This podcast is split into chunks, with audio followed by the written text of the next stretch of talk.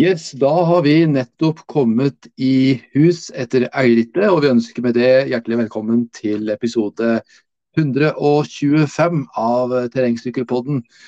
Og eh, det var jo masse som skjedde underveis. Eh, jeg snakka jo tidligere om at det vi skulle gjøre mitt ytterste for å få med eh, fattern på 71 år. Uh, og det gjorde jeg. Skal si litt mer om det etterpå. Men uh, kanskje skal høre litt, litt hvordan det gikk for deg først, Erlend? Jo, veldig artig ritt det her. Uh, og ikke minst det her med den elgburgeren man får da man kommer i mål. Den smaker noe vanvittig godt. altså. Artig å se hvor bra arrangementet er, egentlig. Masse publikum langs løypa og mye blide og positive folk. Kommer et lite regndryss, men det det gjorde jo ikke noe for min del. Det var egentlig bare fint. Da blir man ikke så overoppheta. Så øh, hadde et håp om å komme under to timer etter hvert. Kjede datta si, miste gruppa mi og litt sånne ting. Jeg skal ikke skylde så mye på det. Så det ble en kamp om å komme seg under to timer. Og det tror jeg klarte bare med noen få sekunder, så da, da var jeg godt fornøyd med det, egentlig. Ellers så var det jo rått å se at rundbanesyklisten Sondre Rokke da, tok og slo Martin Røst Omdal videre med Jonas Amundsen og Anders Lo Nårstad i sluttspurten.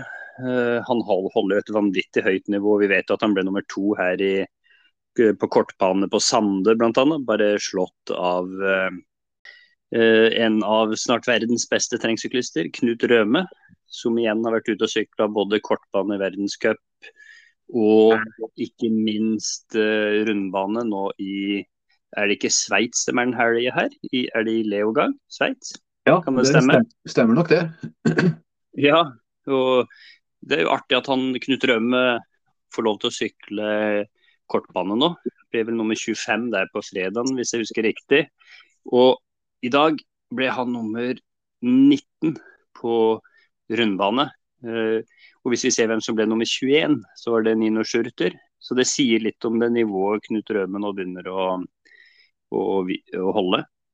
Mm. Og da, som sagt, så er han Sondre Rokke ikke så langt bak det nivået, da. Så det, vi har jo ikke sjanse til å henge med der.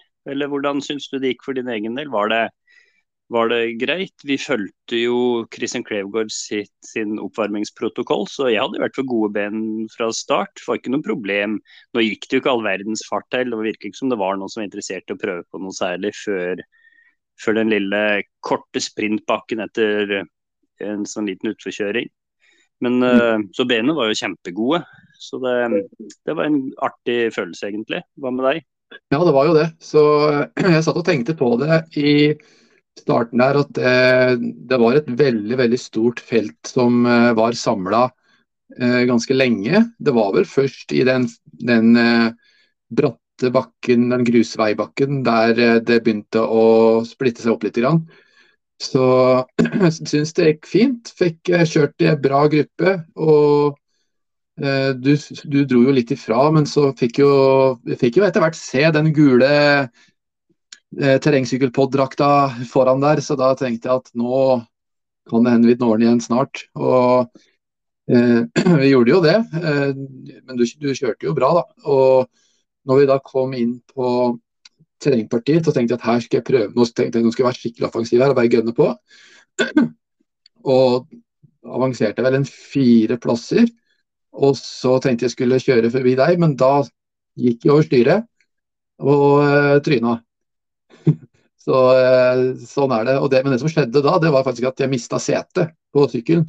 Så derifra inn så måtte jeg sykle Eh, stående. Det er ikke noe særlig godt å sitte på en sånn styrepinne uten etterpå, på, så da, da, valgte jeg heller å sykle stående.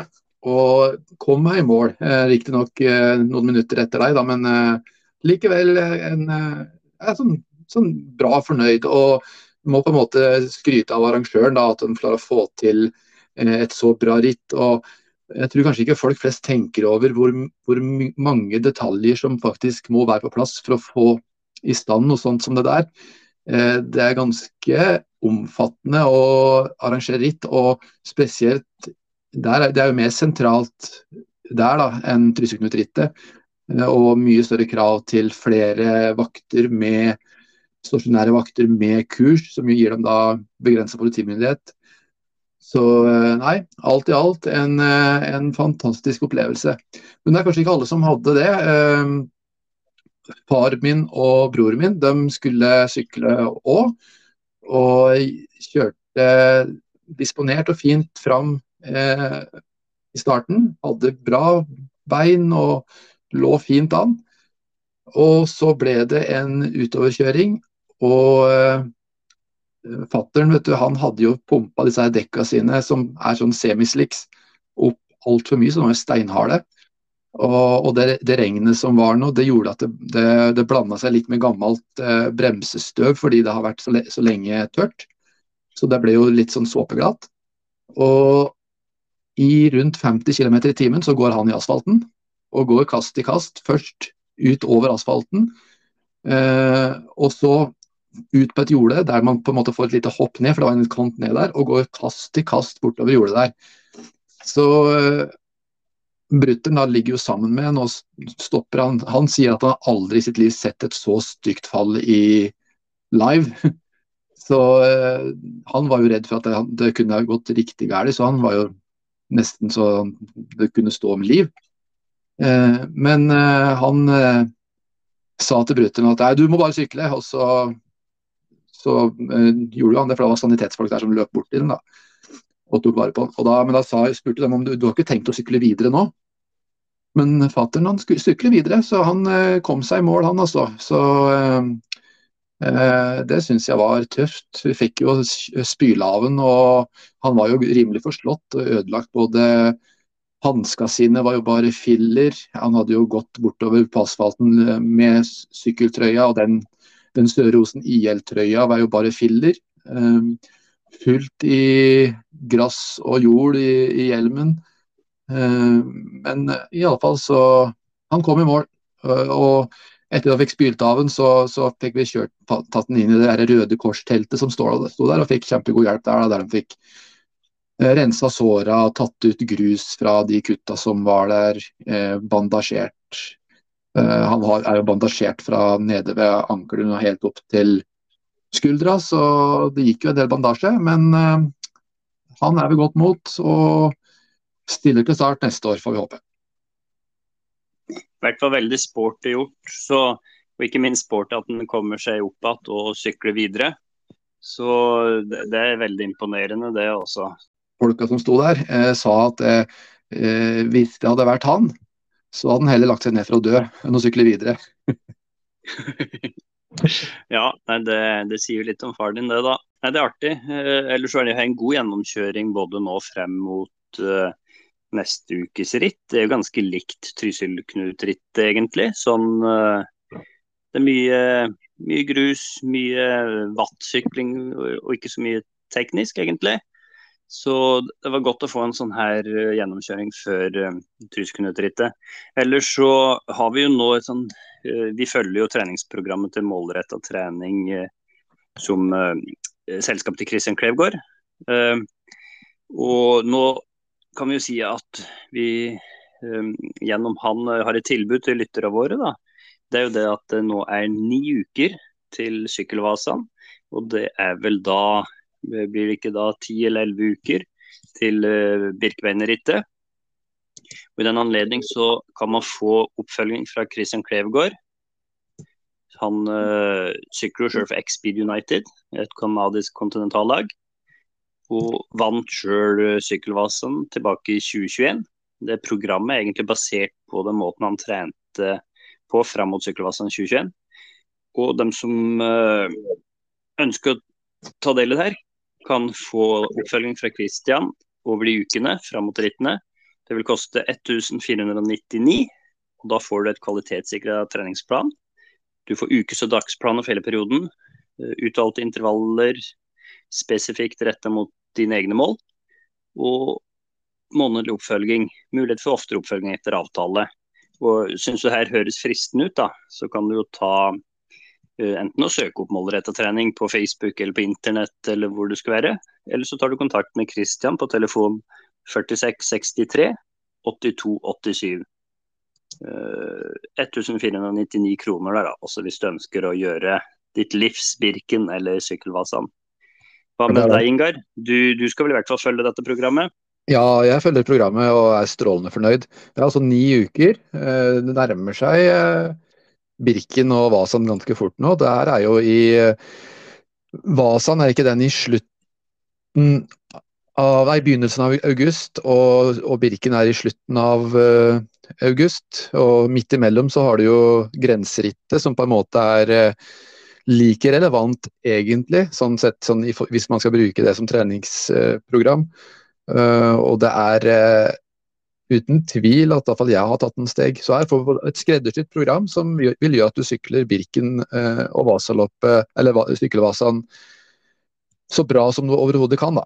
Så jeg er i hvert fall litt i tvil om at eh, hadde det vært meg, så ville jeg ha slått til på, på det her. Ellers så eh, det, Vi kan jo si litt mer om verdenscupen nå, for jeg, jeg, må si at jeg er eh, rimelig imponert over hvordan eh, nordmennene gjør det for tida. Altså ikke bare, ikke bare Knut Røme. Som, Knut han går jo foran som et sånn her eh, som spydspissen, på en måte. Eh, det at han er kvalifisert til å begynne å kjøre kortbane nå, gjør jo at han kan få startposisjoner mye lenger fram, og etter hvert vil jeg tro at han snuser på pallen. Det er jeg rimelig sikker på. Så du har jo eh, studert resultatlista ganske grundig fra helgens verdenscup, så kan ikke du si litt om det? Ja, og vi har jo som vanlig fokus på de norske, vi da. Så det er jo at Knut Rømme ble nummer 19, bare 2,22 bak vinneren, da, Lars For Forster fra Sveits, som vinner på hjemmebane. Jeg vet ikke om Nino Schurter er fornøyd med å bli nummer 21 der på hjemmebane, men uh, i hvert fall veldig imponerende også av Emil Hausen Eid. Sykler inn til å bli nummer 34, så han må da virkelig begynne å få fart på saken igjen. Og ikke minst så, så gjorde de gutta som deltar i um, U23-klassen.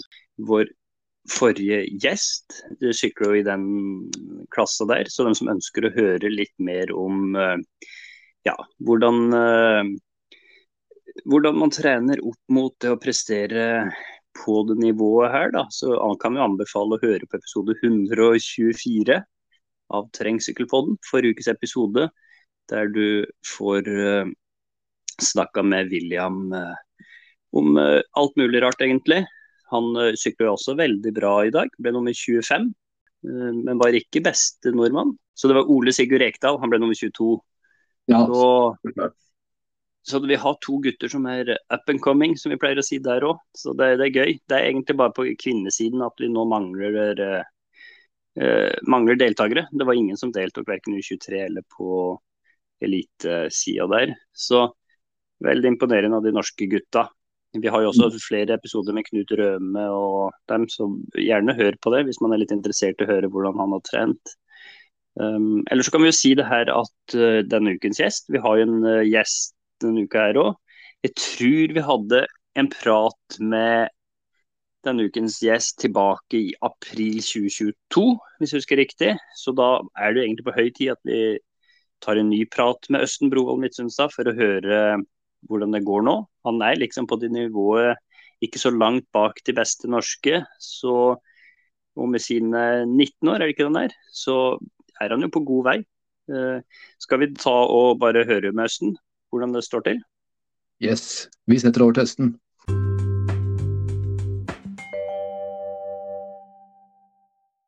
Da er vi så heldige at vi har med oss eh, Østen Brovold Midtsundstad, som eh, ble nummer to på fjorårets eh, Trysil-Knut-ritt.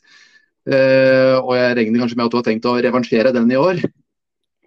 Først får jeg si et, tusen takk for at jeg får komme tilbake igjen. Og, ja, jeg må jo prøve å revansjere andreplassen i fjor. Jeg følte jo at jeg hadde mer inn i fjor egentlig, så det var jo litt surt å ikke kunne prøve å ta Martin på slutten her. Men uh, vi får prøve igjen i år. Prøve igjen i år. Du var jo ganske blodig om, mener jeg husker, i fjor? Ja, vi var så uheldige at det, det, gikk en velt mot slutten av rittet der. Så det ble en del skrubbsår og en hjernerystelse. Så det var litt synd. Ja, ja det var det virkelig. Det, husker det gikk en del pyrisept og greier, gikk men eh, du, du fikk ikke noen varige skader, håper jeg? Nei, jeg fikk ingen varige skader, men hjernerystvendelsen hang i en bra stund. Det vel, ble vel tre uker nesten uten trening. Altså litt huevondt utover høsten. Så, men jeg kommer meg jo utover høsten og fikk trent bra før skisesongen og sånne ting. Ja, man skal på en måte kjenne at, at, at man har vært med på Tryseknut-rittet, for å si det sånn. ja, det, han fikk kjenne på det i fjor, så vi får håpe det blir eh, litt snillere i år. Ja, får håpe det.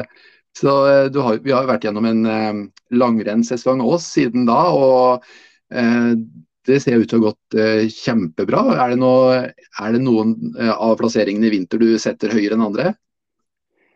Jeg er jo mest fornøyd egentlig med den NM-helga jeg hadde i Alta. Med sjetteplass på ti skøyting og tiendeplass på 20 klassisk. Men uh, klart det artigste med hele helga var vel kanskje å ta NM-bronse på stafett sammen med de andre fra Hedmark skikrets. For det var jo Vi hadde ikke forventa det i det hele tatt. Vi hadde vel start nummer ti, som var plasseringa fra i fjor. Så vi ble vel enige før start om at hvis vi klarte å holde den plasseringa i mål, så skulle vi være kjempefornøyd. Så det var det artigste gjennom hele sesongen, egentlig. Ja, jeg satt og så på resultatlisten her, og ganske rått, altså. Var det, hvilket lag var det Det var vel var det, Hvilket lag var det du gikk for, egentlig? Jeg gikk for eh, Hedmark skikrets lag 1. Ja, stemmer.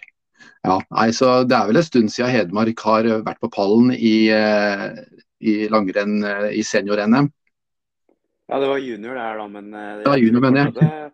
Jeg tror fortsatt at det er en stund siden de har vært i Eller jeg tror faktisk de var på pallen for ikke så mange år siden, men jeg tror Det er ikke så ofte Hedmark sikkerhets tar noe NM-medalje i stafett, i hvert fall. Nei, det er eh, ikke så veldig ofte. Hvem var det du gikk på lag med, egentlig? Jeg gikk med Eirik Linderud fra Hernes, Andreas Hermansen fra Vang skiløpforening og Iver Blom Hagen fra Vang skiløpforening. Ja, stemmer. Det, er det også, kombinerer de også langrenn med andre idretter, eller er det stort sett bare langrenn de driver med? Nei, de satser kun langrenn. Ja, så det er jo rått for en som på en måte også satser eh, maks på terrengsykling, da, altså være med på det. Det er jo helt utrolig. Ja, det er kjempeartig. Så, men syns du dette med å kombinere sykkel og langrenn, eh, syns du det byr på noen utfordringer, eller er det bare at du føler det er bare positivt? Ja, hvis jeg skal ta, trekke fram én ulempe, så er det vel egentlig det at jeg henger på en måte litt etter eh, på starten av hver sesong. Så når vi begynner skisesongen eller sykkelsesongen, så er jo ikke verken sykkelbeina eller skiformen der jeg håper at den skal være. Så jeg blir jo hengende litt etter de andre som har trent enten bare ski eller sykkel hele året. Så det er jo kanskje den eneste negative tingen sånn jeg føler det, da. Men som regel så kommer formen sigende gjennom sesongen og blir stort sett ganske bra mot slutten av sesongen i hvert fall. Ja, han ser jo ut som at eh, han var ganske bra, sånn som på Rye bikefestival f.eks. Du kjørte jo bra der, syns jeg. Ja, jeg er ganske fornøyd. Jeg er i hvert fall for, veldig fornøyd med de to første da. Så ble det litt store forskjeller på rundbanen, men uh, da får han jo litt igjen for at han har sykla litt for lite. Da. Ja, men altså, du, jeg syns ikke du er langt bak sånn som f.eks. Knut Røme, da, som, uh, som, vant der. Han, du, du, er ikke, det er liksom ikke langt opp, syns jeg. Nei, det er ikke håpløst. Han skulle jo helst vært, være litt nemmere. Men uh, klart jeg syns, jeg syns det er et godt utgangspunkt. og Jeg føler at formen egentlig er stigende for hvert ritt jeg kjører. Så uh, det syns jeg er positivt, i hvert fall. Ja, ikke sant.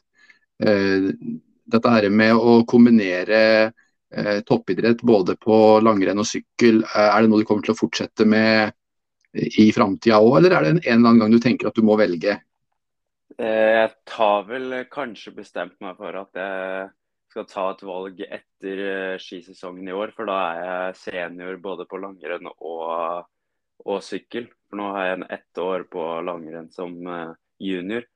Så et, jeg tenker neste sommer så har jeg nok mest sannsynlig bestemt meg for hva jeg skal satse på. Ja, ikke sant. Det er, det er, vel sånn at når man, kom, når man, kommer opp på senior, så kommer man før eller senere til det stadiet at man kanskje må velge? Eh, eller, eller er det mulig, tenker du, å fortsette på samme måten som, som nå?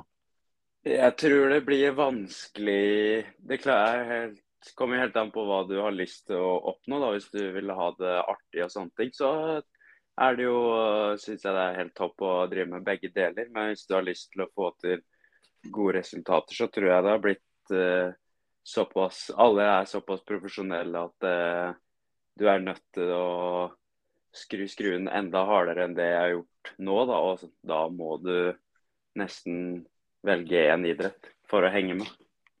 Ja, ikke sant. Og uh, kjenner jeg deg rett, så er du motivert til å skra, stramme den skruen ordentlig hardt du framover, tenker jeg? Ja, nå, jeg gleder meg til å skru den skruen ganske hardt etter nå som jeg er ferdig med skolegang og det blir full fokus på trening. Ja, ikke sant. Det skjønner jeg veldig godt. Uh, nå til helga, er det noe ritt du kommer til å være med på da, eller førstkommende helg, tenker jeg? Nei, jeg har eh, bestemt meg for å ikke kjøre noe ritt. Jeg dro på meg en hjernerystelse i Sandå, så det, jeg skal prøve å komme meg få til en god treningshelg nå før Trysil-Knut og Norgescup på Nes. Ja, ikke sant. Trysil-Knut uh, som kommer, det, det, er vel sikkert et av uh, hovedmålene første sesongen, er det ikke det? det er nok uh, kanskje ikke hovedmålet, men det er absolutt viktig. Er, jeg syns det er et veldig artig ritt. og Nå har jeg jo vært med på det en del ganger. Og jeg har jo lyst til å revansjere fjoråret, så det, jeg skal ikke stille med noe dårlig bein der i hvert fall. Så Ja, nei det, det er fortsatt ikke så veldig mange som er påmeldt kanskje i, i klassa di, da, men totalseier er vel det du da går for, tenker jeg? Ja, jeg går for totalseieren, så jeg håper jo at det melder seg på flere som kan være med å knive. og jeg håper jo at noen av de hardrocks-gutta stiller, så jeg kan prøve å ta dem. For jeg har ikke klart å ta dem ennå. Så. Nei, hvem er det som er på hardrocks-teamet nå? Eh, det er vel Vidar Mehl, Tormod Veidal, og det er Hansen Berg. Eh, Martin Røste Omdal, og så eh, Ja, det er de fire, og så er det vel Det er vel én til, tror jeg. Ja. Det er, ja, det der er, ja, altså er iallfall veldig Det er harde navn. så man, Hvis de melder seg på, så har man, eh, har man noe å knive mot. altså. Og Vi skal nok prøve å få eh, fått tak i dem og, og prøvd å få dem med på rittet. Så Hva tenker du forresten om så som traséna på Trysknutrittet? Jeg syns det er veldig bra trasé, og spesielt i fjor, da vi fikk jo, vi fikk jo da du la på det ene terrengpartiet helt i nordenden der. Det syns jeg var veldig artig. Ja. Var litt uheldig med været egentlig til rett før det ble sprutregn rett før. da. Det ja, det var, det var, litt uheldig. Det var jo noe, det var jækla bløtt der, så det var jo litt uheldig. Men uh, hvis værmeldinga holder seg fram til rittet nå, så blir det jo helt perfekt forhold.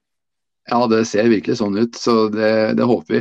Vi kommer til å kjøre det samme, samme terrengpartiet Nordosen i år òg. Så eh, finans, eh, finansformidleren, Mats Notkevic, som står bak det, da, han har jo eh, også i år stiller han opp med både merking og drikkestasjon, og så en spurtpris borti der, der de stiller med premier. Så, så, det blir jo kjempebra.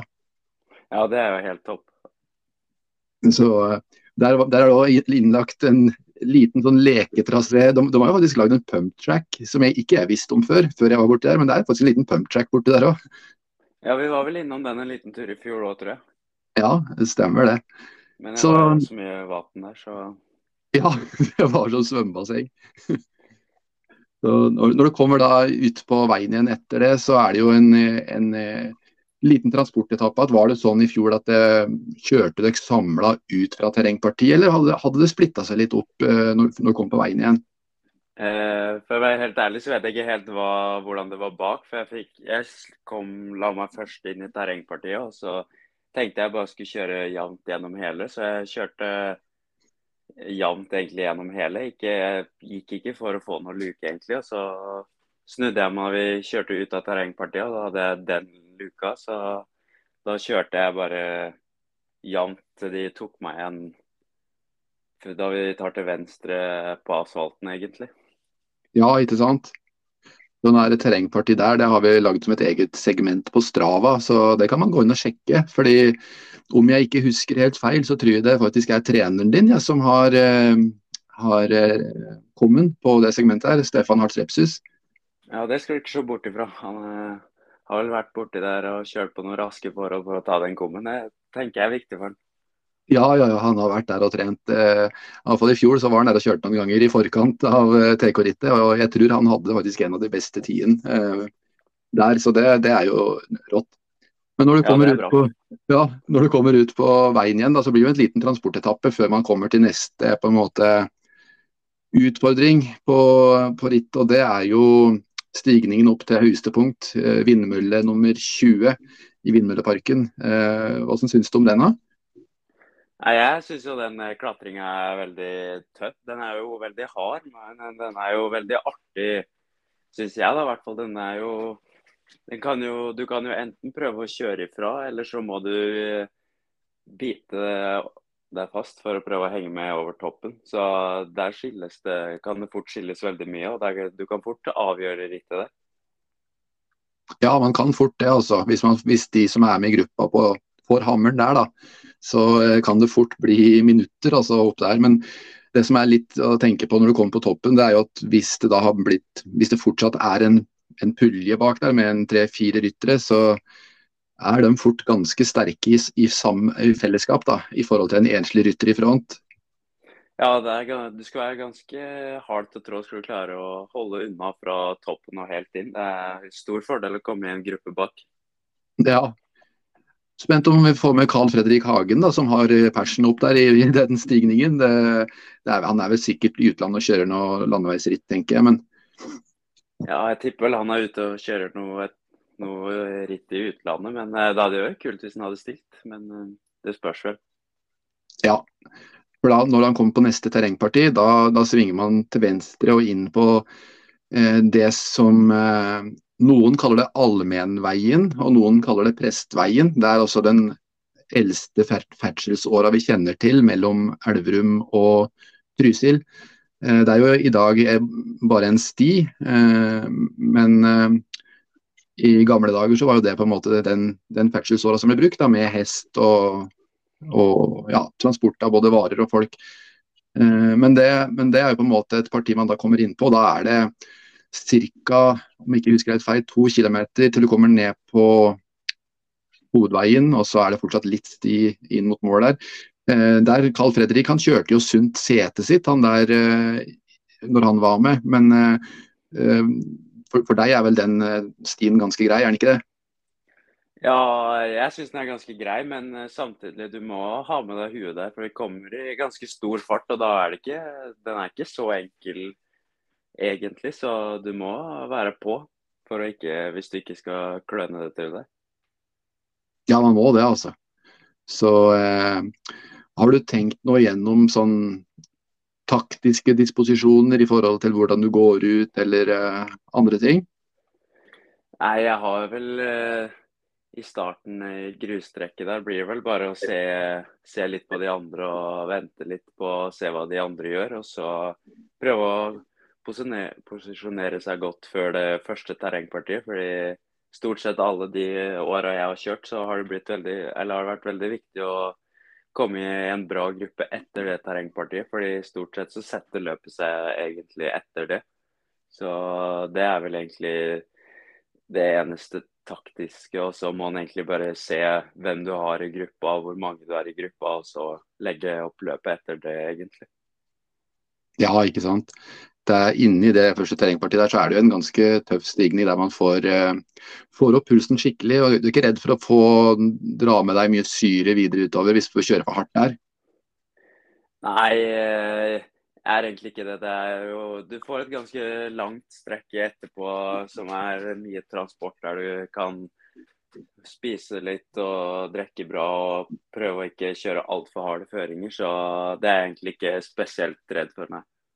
Nei. Hva tenker du hvis eh, f.eks. Eh, Erlend eller meg stikker fra opp der? Hva, hva, gjør du da?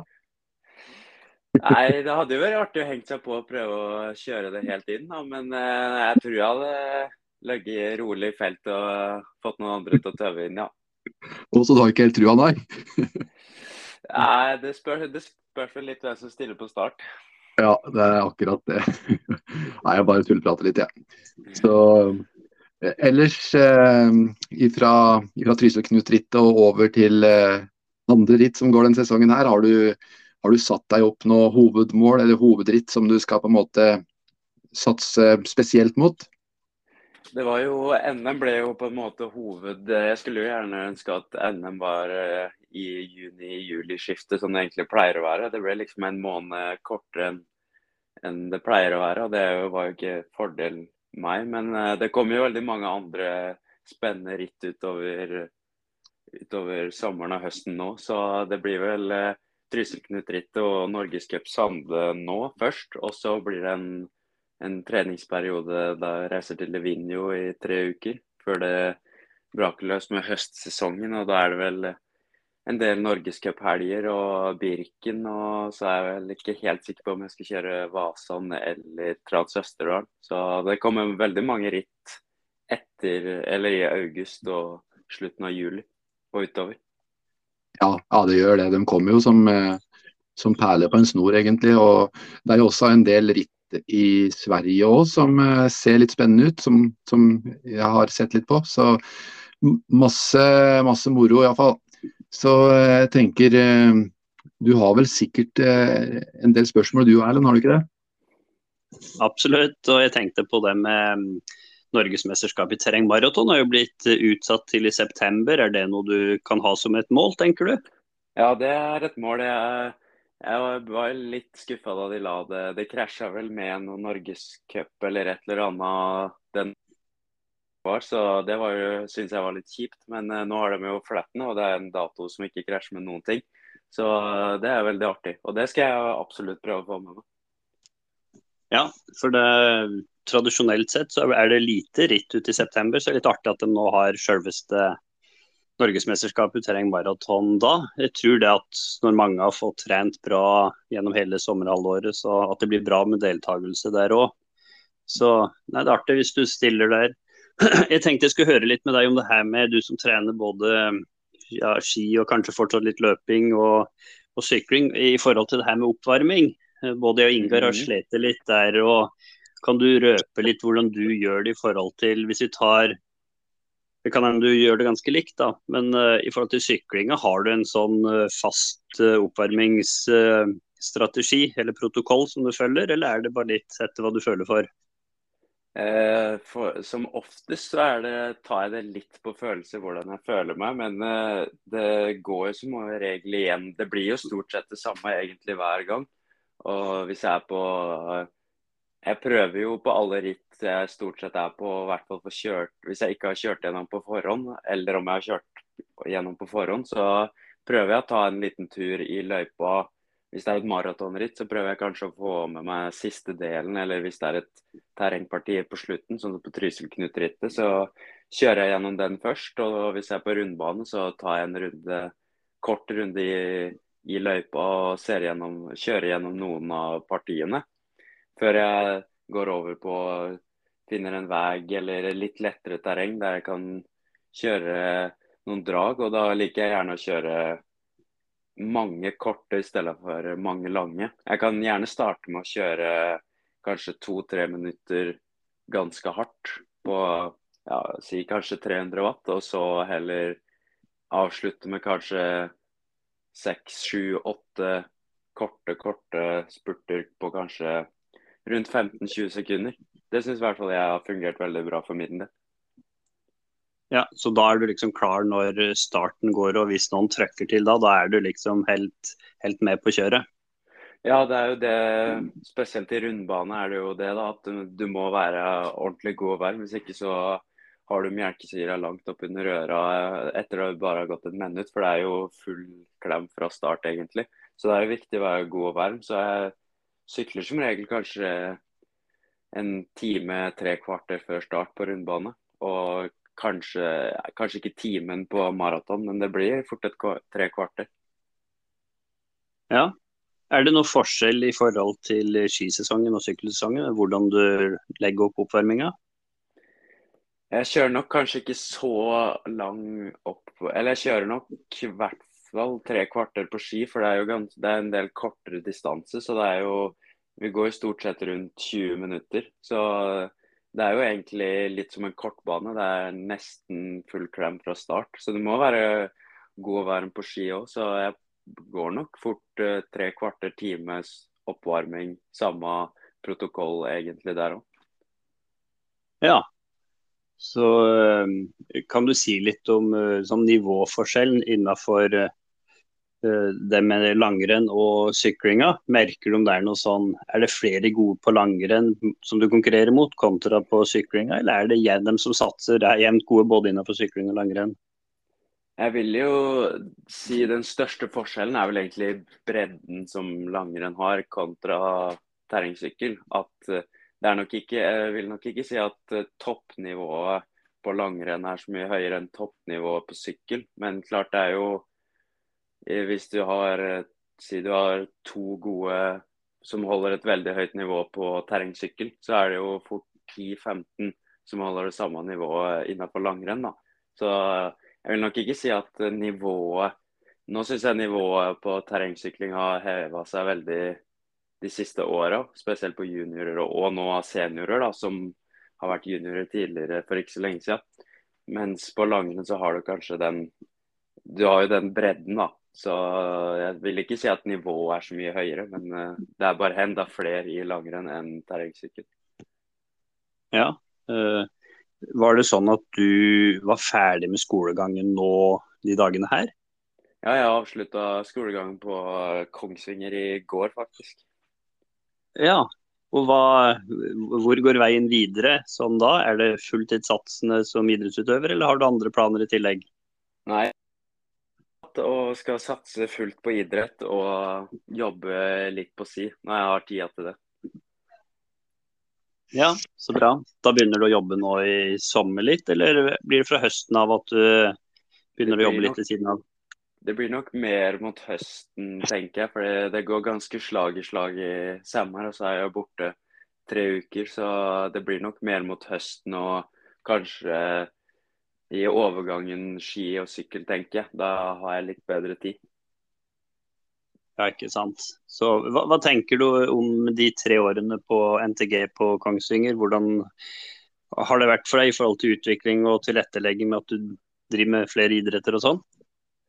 Nei, Jeg syns det har vært tre kjempefine år. Det har nok vært de tre beste åra mine så langt i livet.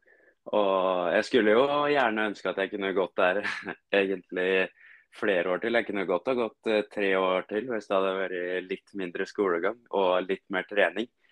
Så jeg syns det har vært helt topp. Jeg har jo bodd på hybel og vi har vært en stor gjeng med terrengsyklister og et par skiløpere som har vært møttes hver dag for å trene og prøvd å bli bedre. Så det har, jeg har hatt det helt supert. Ja, hva, hva, tenker du i forhold til det å få et miljø for den satsinga di nå? Er det, er det noen kompiser du skal trene med, er det opp mot noe team, eller er det i klubbmiljø osv.? Kan du si litt om det? Eh, nå blir det vel jeg, jeg, har ikke noe klubb å lene meg på. Er, jeg, jeg, er jo eneste som satser er vel, Nå er vi to da som satser eh, rundbane, men eh, vi bor jo ganske langt unna hverandre egentlig. Vi bor vel 40 minutter unna hverandre, så det er ikke sånn kjempelett på en måte å trene sammen hver eneste dag. Men jeg håper jo at vi kan få til en god del økter. Og, så jeg har ikke noe stort miljø eller en stor klubb til, som jeg kan lene meg på. Så det blir jo en, sikkert en god del aleine, men jeg håper jo å prøve å få sykla litt med kanskje de som holder til på Lillehammer og diverse. Ja, Sånn uh, rundbanetrening, da vil det bli mye på Elverum, eller blir det nærmest i forhold til der du bor? Ja, det, Elverum er ganske nærme, så det er vel en eh, time sykling tenker jeg herifra. Så uh, den kommer, rundbanen i Elverum kommer nok til å bli brukt veldig mye, ja. Så bra.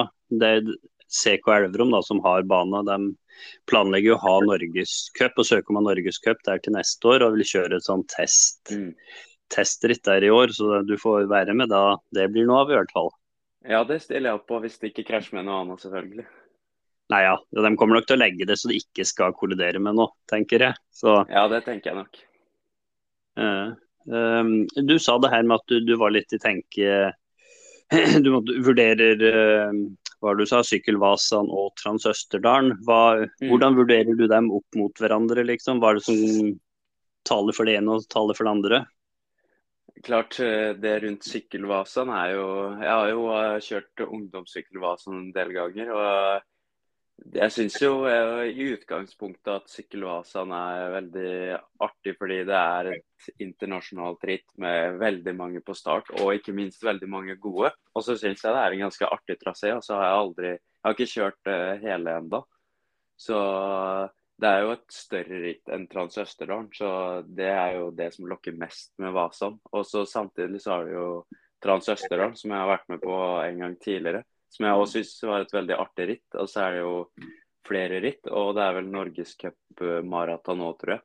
Så det kommer vel litt an på hvor mange som stiller. Eh, I Vasan er det jo garantert veldig mange gode som stiller, men eh, hvis alle de gode stiller på Vasan, så heller det mot å kjøre Vasan. Men eh, klart er det et bra felt på, på Trans Østerdalen, så er jo òg det veldig attraktivt. Ja, ikke sant. Og da finnes også dem som har kjørt uh, begge deler, for å si det sånn. Uh, da får du ikke kjørt hele Transøsterdalen, med at man f.eks. kjører fredagen på um, Transøsterdalen og så søndagen på Sykkelvasan. Mm. Hvis man har lyst til å støtte opp om begge arrangementene da, og være med på begge.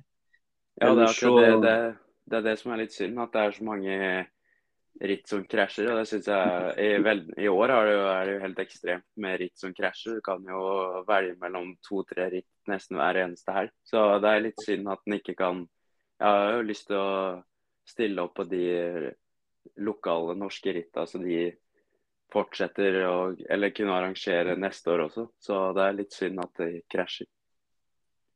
Ja, absolutt. Jeg mener å huske at transøsteren hadde arrangert i juni her, husker ikke når det var. Men det, det syns jeg var fint, for da kolliderte ikke med så mye annet.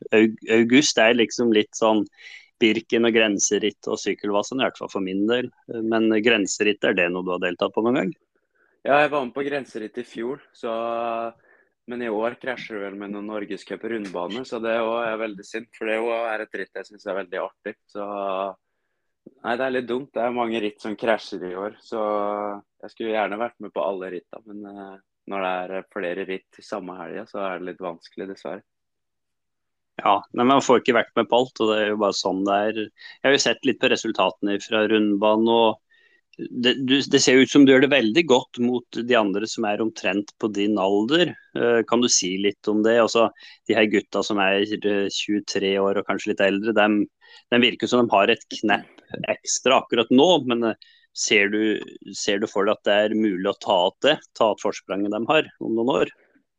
Ja, klart. De er jo et, eh, ikke bare ett knepp bedre, de er jo fort to-tre knepp bedre enn meg akkurat sånn det er nå. Og, men jeg syns jo ikke jeg er håpløst langt bak de andre som kjører i den U23-klassa. Jeg, jeg håper jo at formen er stigende. Jeg føler i hvert fall at uh, formen er bedre nå enn det den var eller har vært tidligere på ritt. Så jeg gleder meg til å komme, eller få kjøre noen ritt igjen nå og se hvordan jeg ligger an nå. Og så håper jeg jo klart hvis jeg, Det er ikke sikkert jeg klarer å kjøre inn de gutta foran, fordi de viser jo veldig høyt internasjonalt nivå. Sånn som William Handley som kjører verdenscup nå. Han kjører jo styggfort. Så det er ikke gitt at han skal klare å henge på de, men uh, det kommer jo flere år, så må jo prøve å ta små steg hele tida og knappe inn forspranget.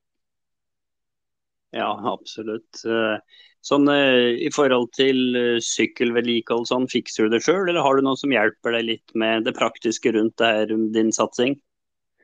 Nei, det er stort sett jeg som skrur sjøl. Jeg, jeg, har jo god hjelp av pappa, og han skrur hvis det trengs. Hvis det er noe som ryker på sykkelen og vi er på norgescup her, så er det stort sett han som skrur, mens jeg kan slappe av og restituere meg. Mens når jeg er hjemme og det er bare en vanlig uke, så skrur jeg stort sett alt sjøl. Og det har vel vært obligatorisk at jeg må kunne å skru litt sjøl.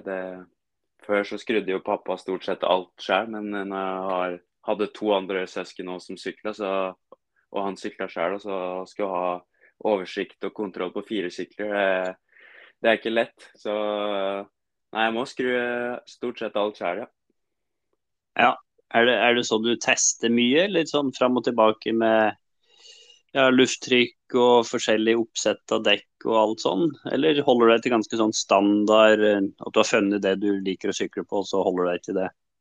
På, eh, på å bytte ut utstyr sånn som dekk og diverse andre ting, så har jeg jeg har rett og slett ikke råd til å drive og kjøpe masse forskjellige dekk og teste, men jeg har jo prøv, fått opp igjennom prøvd en del dekk, og jeg har jo en del dekk. Men jeg kjører stort sett alltid på Aspen 2.4 hvis det ikke er eh, veldig bløtt eller gjørmete. Da bytter jeg det til noe som er grøvere knaster. Men jeg syns uh, Aspen 2.4 er veldig bra. Det er stort sett det jeg egentlig kjører på hele tida.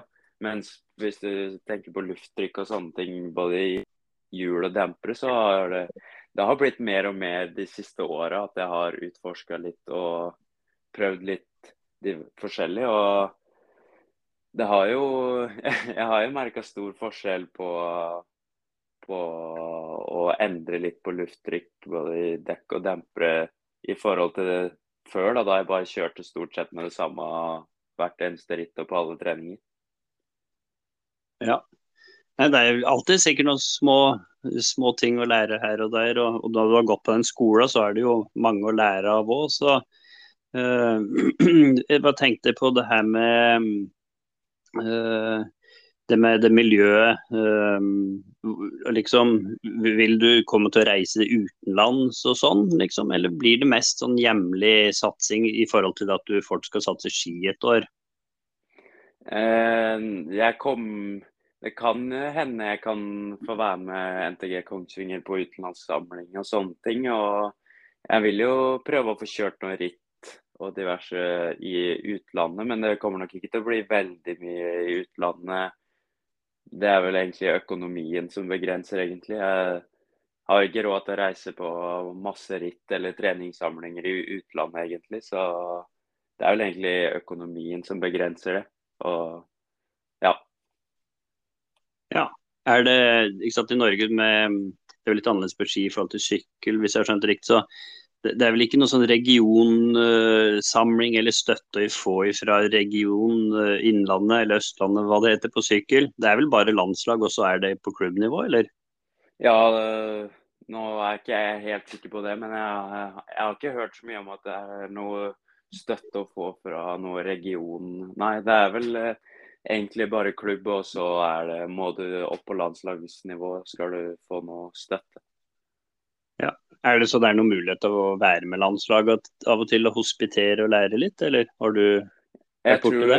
det er mulighet å kanskje få være med At du er med på opplegget og følger dem på World Cup, men at du betaler alle kostnader sjøl, da. Men uh, utenom Det er vel jeg har jo hatt litt kontakt med Eddie, og det, det, er ikke så lett å få vært med på eller gjøre de tinga. Jeg hadde planer om å kanskje få prøvd å kjøre en World Cup-helg, men uh, de har jo ikke så bra økonomi. Så det ble litt vanskelig å booke om og sånne ting. Så det er, ikke, det er flere som sliter med økonomien, så det er litt dumt, egentlig ja, de sponsorkronene blir vel Det blir vel bare vanskeligere og vanskeligere å, å få tak på sånt for mange. Så Nei, men da må jeg bare si at uh, tusen takk for at du ble med på nok en innspilling, og ikke minst lykke til uh, med Trysil-Knut-rittet, som blir det første rittet ditt, hvis jeg skjønte riktig. Etter en ja. uh, liten pause får vi se om du klarer å og stikke av med både totalseieren og ikke minst eh, Vi har jo satt opp en egen sånn pris i forhold til den klassa du er i, gutt, uh, mann 17 til 19, og også til kvinner 17 og 19. Da, på, jeg lurer på noe gavekort på 1400. Så stikk da med begge deler, så kan dette bli bra, det. ja, vi får håpe det. Ja. Nei, men så Tusen takk, og lykke til videre, og så høres vi. Det gjør vi. Jo, ha det godt. Ha det bra.